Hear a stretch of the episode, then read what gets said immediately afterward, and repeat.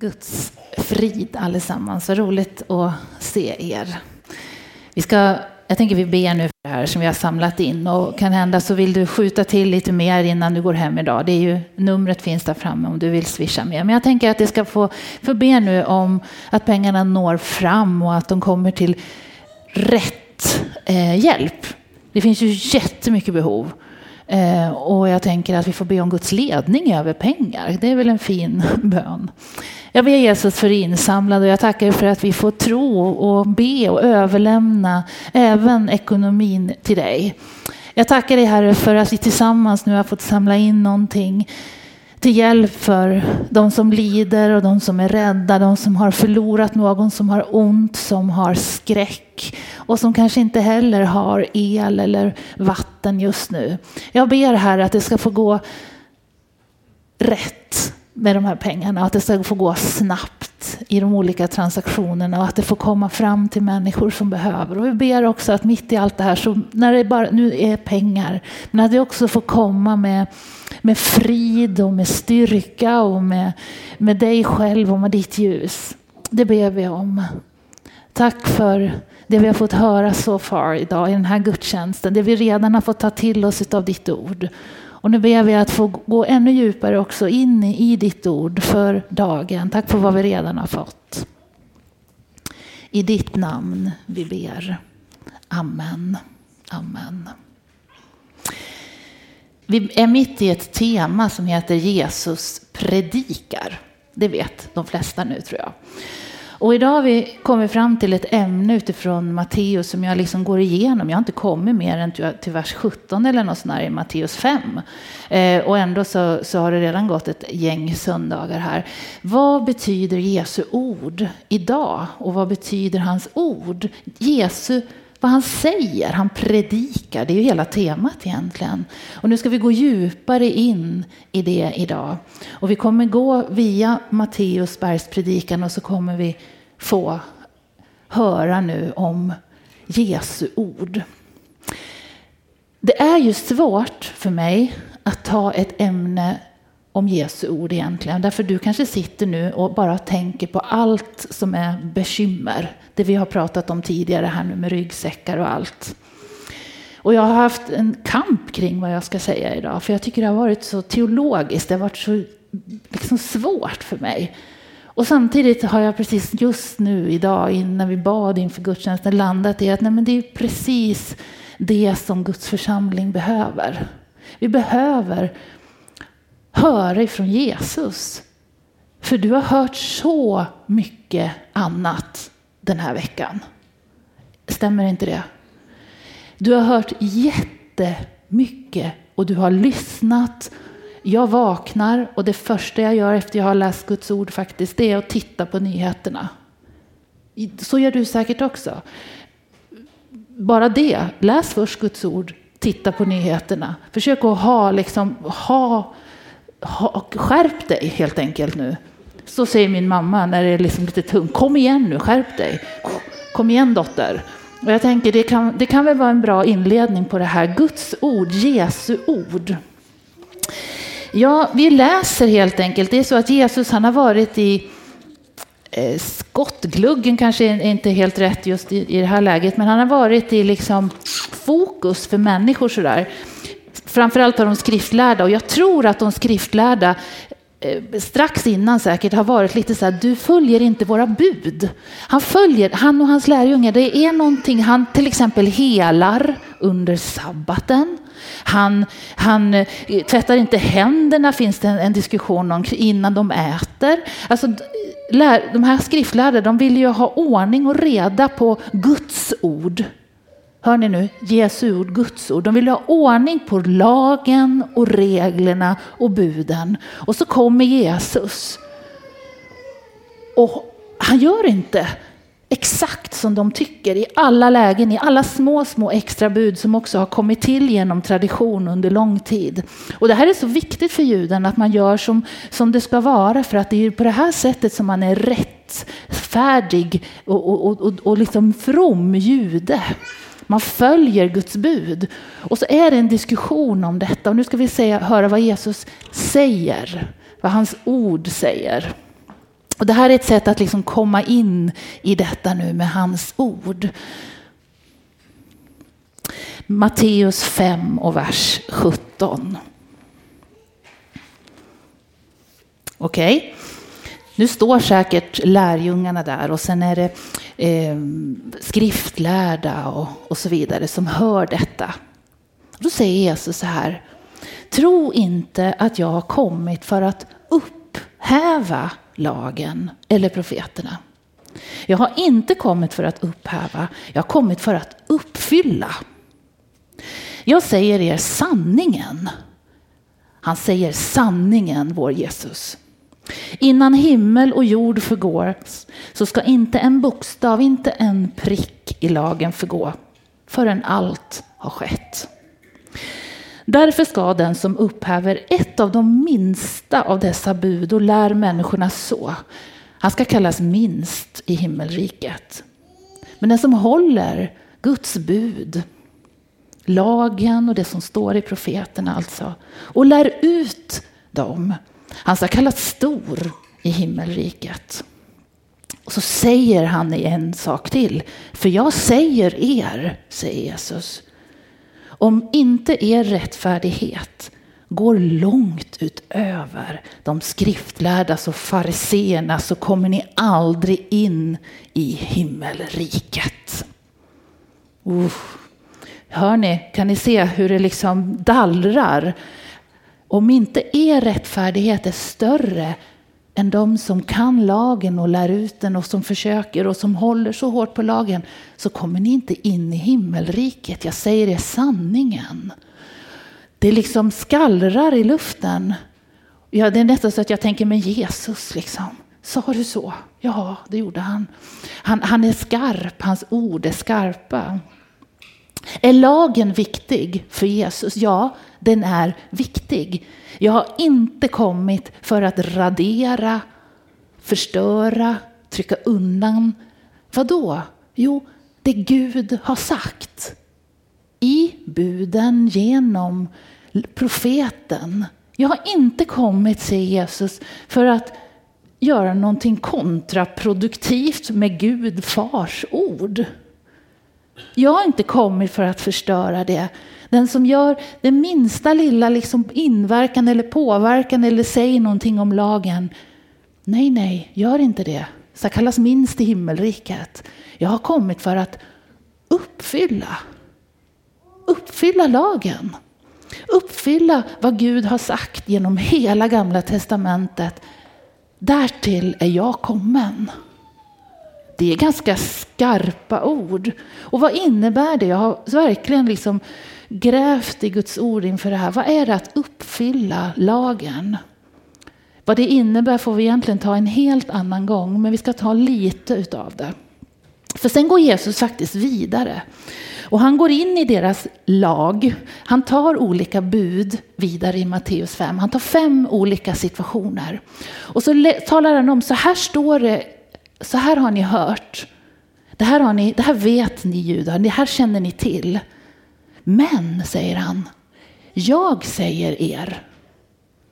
Han vågar alltså citera buden och säga, jag säger er det här. Det är, jag, jag tänkte att det är kaxigt. Jag vet inte om man får säga att Jesus är kaxig och modig, att han är självklar, att han, är, att han har pondus. Alltså det är något otroligt att säga, ni har hört, men jag säger er. Och så tar han fem olika bud och ni ska få titta på två här nu i vers 21 och 43. Det här är ju samma kapitel då, han går bara vidare och så säger han, ni har till exempel hört att det är sagt till era fäder i Gamla Testamentet, du ska inte mörda. Och den som mördar är skyldig inför domstolen. Det har ni hört. Men jag, med mina ord, säger Jesus, jag säger er, den som blir vred på sin broder, han är skyldig inför domstolen. Och den som säger idiot, har folkbibeln skrivit, till sin broder är skyldig inför rådet. Och så fortsätter det. Sen fortsätter han och tar alltså fem olika Exempel, ni har hört, men jag säger er. Ni har hört, men jag säger er. Och så tar vi 43. Ni har hört att det är sagt, du ska älska din nästa och hata din fiende. Men jag säger er, älska era fiender och be för den som förföljer er. Mm. Han förklarar, han uppfyller, han försöker att förs lägga grunden till varför man ska, eller vad som leder till det felaktiga i budet. Alltså mord, det är fel. Men det är också fel, säger Jesus, med, med allt det andra som leder till mord. Det vill säga förtal, idiot, elakheter, vrede på sin nästa. Det som kommer inifrån, säger Jesus, som gör att det här i det yttersta faktiskt sker mord. Du ska vara noga med allt som kommer inifrån dig. Och så lägger han ut texten och uppfyller och förklarar vad Gud har sagt i sina, i sina regler i Gamla Testamentet. Du, du måste se inifrån på dig själv. Det här säger Jesus där. Det innebar hans ord där och då, att han förklarar lagen. Det här är, de tycker att det är så intressant, så de sätter, försöker ju sätta dit Jesus hela tiden. Vi vet att Saduséerna var en grupp som kommer och det står att Jesus tystar munnen på dem genom att vara så där, säga sanningen. Så kommer en farisé fram till honom för att han har märkt att saduceerna blev tysta. Nu vill jag testa. Jag måste prova Jesus. Jag ska, jag ska, jag ska prova och, och säga en svår fråga. Och så får vi se vad Jesus säger. Ska vi ta det också i Matteus 22. Fariséerna har alltså frågat nu, vilket bud är störst? Nu tänker han att nu blir det svårt. Nu ska Jesus välja. Kanske blir han tyst, kanske kommer han av sig. Eller jag vet inte riktigt vad han förväntar sig. Han kanske inte förväntar sig ett sånt genomarbetat svar som han får. Vers 37 i Matteus 22.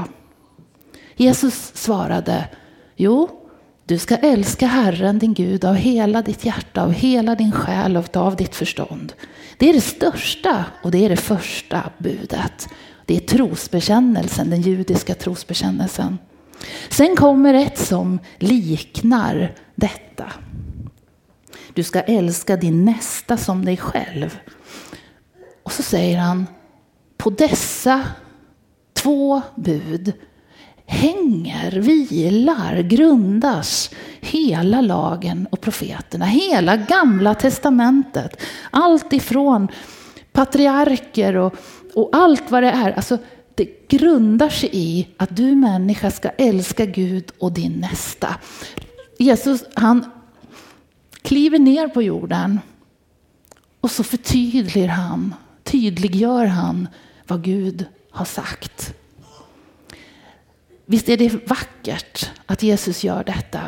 Och vad han egentligen gör här är att han förklarar syftet med alla dessa bud.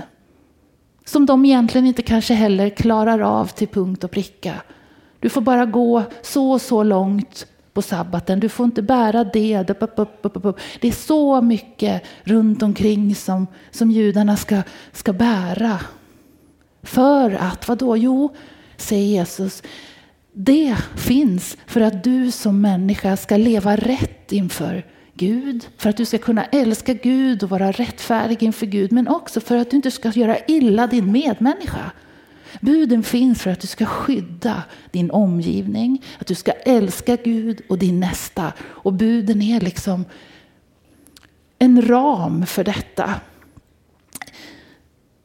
Det här säger Jesus till de som kämpar. Som inte har fått helig ande än. Som inte har Jesus som har dött för deras synder än. Han börjar förklara hur det ska gå till. Och vi förstår att för dem är det svårt att leva det liv som vi nu kan leva 2022. Det är skillnad att vara jude där innan Jesus har dött och innan, innan bara ha liksom lagen att förhålla sig till och kämpa med. Det här skriver Paulus om i Romarbrevet. Ja. syftet med lagen. Det är inte konstigt att, att de häpnar och tänker wow, han undervisar oss på ett sätt som de skriftlärda aldrig har gjort. Hans ord är ju helt otroliga. Vad säger han? Och så drar det människor. Han talar ju, han lägger liksom grunderna. Helt plötsligt så ser jag varför jag ska följa alla bud till exempel. Och det här är bara en av de saker Jesus gör med sina ord. Han undervisar, han förklarar. Och det är bara en sak han gör. Han gör väldigt mycket mer med sina ord, men det är en sak. Jag kunde inte låta bli att gå ifrån och hoppa till ett, annan, ett annat, en annat evangelium, Johannes. Vet ni hur Johannes evangeliet börjar? Det kan många tror jag. Är det någon som kommer ihåg? Det kallas för prologen. I begynnelsen var ordet. Mm. Vem är ordet? Det är Jesus. Så vad Johannes gör ifrån början det är att han ger Jesus ett annat namn. Han kallar honom för ordet. Logos. Liksom ord. Här kommer ordet. Här kommer Jesu ord. Här kommer vittnesbördet. Här kommer han som talar. Här kommer han som har makt i sina ord. Och vi ska läsa vad Johannes säger om Jesus. För nu får vi reda på att Jesus hans ord har verkat ifrån skapelsens början. I hans ord är inte bara förtydligning av lag, utan här kommer Jesu ord att handla om liv och ljus och, och uppmuntran. Och att han kliver in i, i, i, i verkligheten för 2000 år sedan. Vi ska läsa Johannes 1 och 5 och 9 till 14, för det säger mycket om Jesu ord. I begynnelsen var ordet. Vi kan, ska vi läsa, kan man läsa tillsammans? Ser man det där? Då gör vi det. I begynnelsen var ordet, Jesus, och ordet var hos Gud och ordet var Gud. Han var i begynnelsen hos Gud och allt blev till genom honom och utan honom blev ingenting till av det som är till. I honom var liv och livet var människornas ljus. Och ljuset lyser i mörkret och mörkret har inte övervunnit det. Det sanna ljuset som ger ljus åt alla människor skulle nu komma in i världen. Och han var i världen och världen hade blivit till genom honom. Men världen kände honom inte. Han kom till det som var hans eget och hans egna tog inte emot honom. Men åt alla som tog emot honom gav han rätten att bli Guds barn, åt dem som tror på hans namn. De är inte födda av blod eller av köttets vilja eller av någon mans vilja, utan av Gud. Och ordet blev kött och bodde bland oss. Och vi såg hans härlighet, den härlighet som den enfödde har ifrån Fadern. Och han var full av nåd och sanning. Jesus undervisar. Men när han föds så är det inte vem som helst som talar. Det är han som var ljus, som säger och det blev. Han var i skapelsens början. Han föds till jorden för att vittna och fördjupa och förklara Guds ord och för att dö på ett kors. Och han hade makten i sitt ord att säga du är förlåten till människan. Det här debatterades också. Kan han säga dina synder är förlåtna? I Johannes 15 så står det så här. Johannes 15 och vers 3 och 4. Vi se om det kommer. Det hittar inte där. Jag kan läsa det. ni är redan nu rena i kraft av ordet som jag har talat till er. Förbli i mig så förblir jag i er. Det här var Karro inne på. Vi behöver gå till Jesus och lägga våra bördor. Förbli hos mig. Ni, ni är redan nu rena utav mitt ord. Så han undervisar, han frälser, han förlåter med sitt ord på den här tiden. Han kommer med ljus, han kommer med kunskap, han kommer med glädje. Ni är redan nu rena i kraft av ordet som jag har sagt till dig. Du är förlåten. Du är förlåten. Förbli i mig så förblir jag i er, i dig. Stanna kvar hos Jesus. Gå inte ut med din väska och vifta. Håll dig vid Jesus och håll kvar i hans väska, liksom. nära, nära, nära. Det är nästan så att man önskar att Jesus sa upp, upp, upp, nu tog du upp en grej här. Så nära så att han liksom påminner dig om att nu, nu, var du, nu tänkte du böja dig ner efter det här paketet här. Upp, upp, upp, liksom. Att det är så nära så att vi är kvar i hans frid, i hans kärlek. Det här är vad Guds ord säger om en del av vad Jesu ord betydde då. Vilken kraft han har. Och då kan man ju undra, idag då? I vår värld idag med allt vad vi hör. Finns det någon, han sa det här för 2000 år sedan, vi har det i Bibeln, men vad gäller det idag? Vad säger Jesus om giltigheten i hans ord? Vi vet om, jag vet inte om du har, visst har vi tappat oss? Eller har du, hur går det? Kan man se något mer på? Det går? Då tar vi nästa. Då är det Matteus 5 och 18, den skylten. Den, precis. När det kommer till giltighet så säger han ju om lagen så här Jesus, det har vi redan läst. Jag säger er sanningen när det kommer till Guds ord. Innan himmel och jord förgår ska inte en bokstav, inte en prick av lagen förgå förrän allt har skett. Alltså när det gäller Guds ord säger Jesus så, så gör ingenting, jag har kommit för att uppfylla den. Och så säger han om sig själv. Himmel och jord ska förgå men mina ord, säger Jesus, ska aldrig förgå. Så lagen, Guds ord, hålls kvar i evighet så att säga. Jesu ord som kommer liksom att förtydligas med Jesus ska inte heller förgå. De finns i evighet. Det betyder att just nu, där du och jag lever, så har Guds ord och Jesu ord en giltighet idag. Han talar fortfarande. När Karo ringde så sa du att du har fått ett tilltal. Det känner vi igen va, som pingstvänner. Vad är det? Ja, men det är ju ett tilltal man kan uppleva ifrån himlen. Ett pågående tilltal.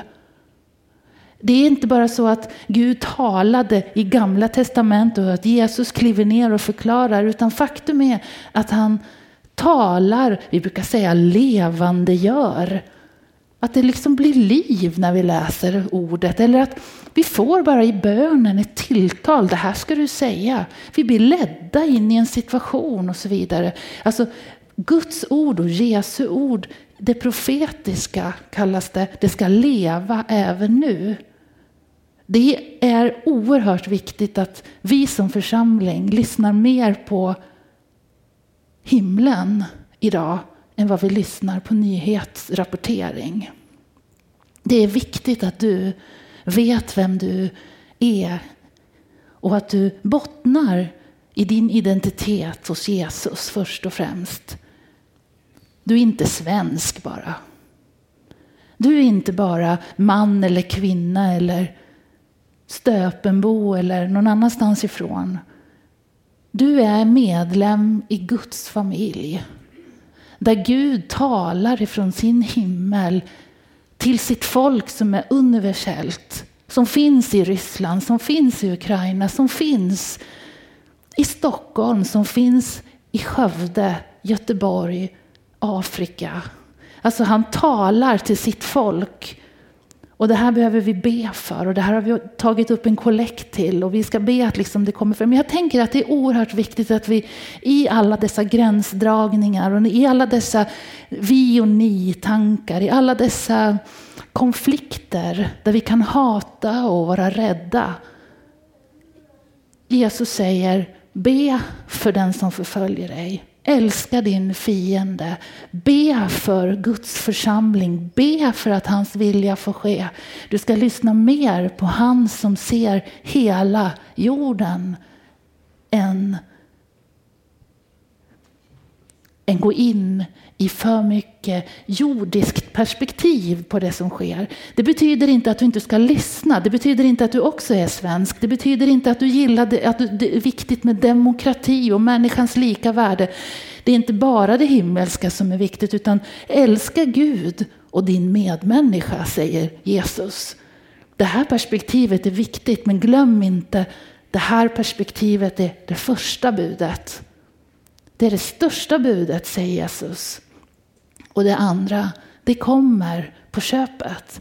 Älska den som förföljer dig. Be för Putin. Be för det som är i ledande ställning. Hata inte. Be och be om att Guds vilja ska få ske, tänker jag. Otroligt viktigt i den här tiden så att vi inte börjar ha felaktiga källor i oss som gör oss rädda och förminskar Guds församling och kraften som finns i att vara en församling just när det är tungt. Vi behöver ha klart huvud, gott ställt med Jesus och så behöver vi känna med omgivningens rädslor på rätt sätt utan att bli rädda själva för mycket, eller hur? Mm. Vi ska bära varandra. Är Guds, vad säger vi kring, meningen är ju så här, vad betyder hans ord idag? Vad betyder hans ord idag? Innebär hans ord idag? Jo, det innebär att han idag talar Kom till mig, du som är trött och bär på bördor. Det är ett rop som har gått ut idag. Det är Jesus som står och så säger han Kom till mig, du som är trött och bär på för mycket oro. Han säger Jag vill ge dig frid. Jag vill ge dig av min himmelska frid som övergår allt förstånd. Han säger, dina synder är förlåtna. Du kan gå fri. Han säger, Fader förlåt dem, de vet inte vad de gör. Liksom. Han är den som ursäktar.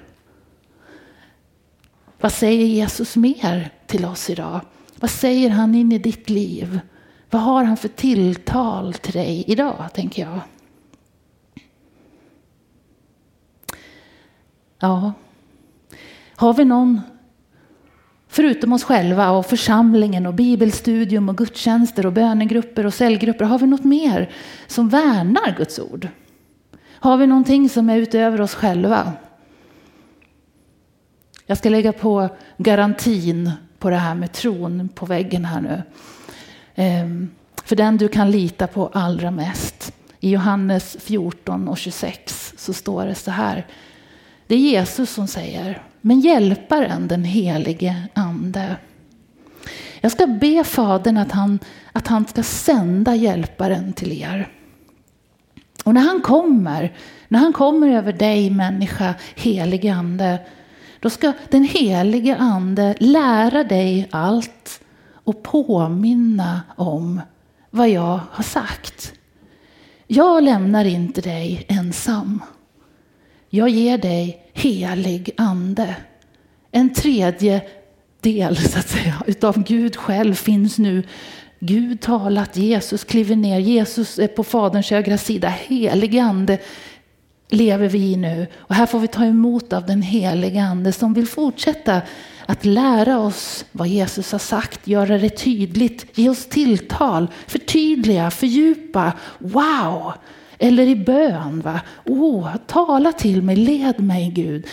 Tack för helig ande som vill lära och påminna. Ifall du glömmer, vi glömmer tydligen bort så lätt, vi människor. Det, det förstår ju vi här för att det säger ju Jesus. Ibland glömmer vi att vi är förlåtna. Vi glömmer att han säger att Jag har frid att ge. Vi glömmer att vi, vi är ute och springer runt med våra bördor. Och vi är helt nedtryckta. Vi bara lyssnar på nyheterna och vi, vi glömmer Guds ord. Vi glömmer den andliga dimensionen, för vi är människor. Det gör vi alla. Vad ska vi då göra?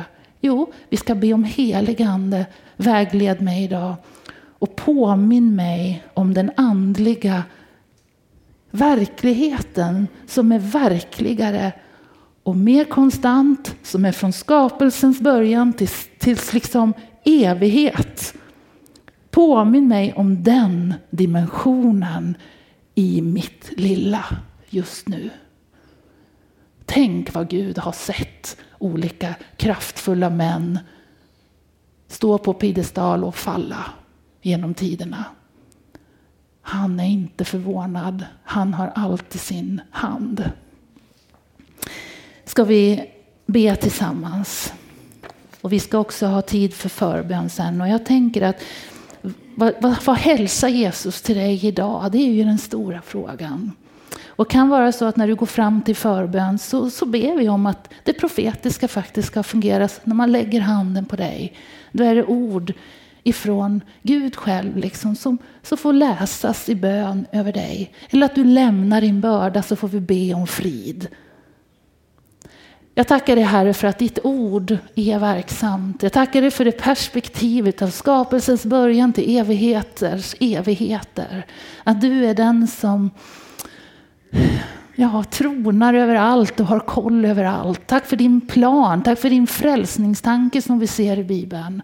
Jag tackar dig för ditt ord som är verksamt, som vi ser i Gamla Testamentet, utsänt, nött, liksom inpräntat, arbetat, svårt ibland att leva. Men tack att du sände Jesus som gör det möjligt tack vare korsdöd och förlåtelse, att få din heliga ande på insidan som gör det möjligt att kunna följa din, ditt rättesnöre, att leva rättfärdigt inför dig och inför varandra.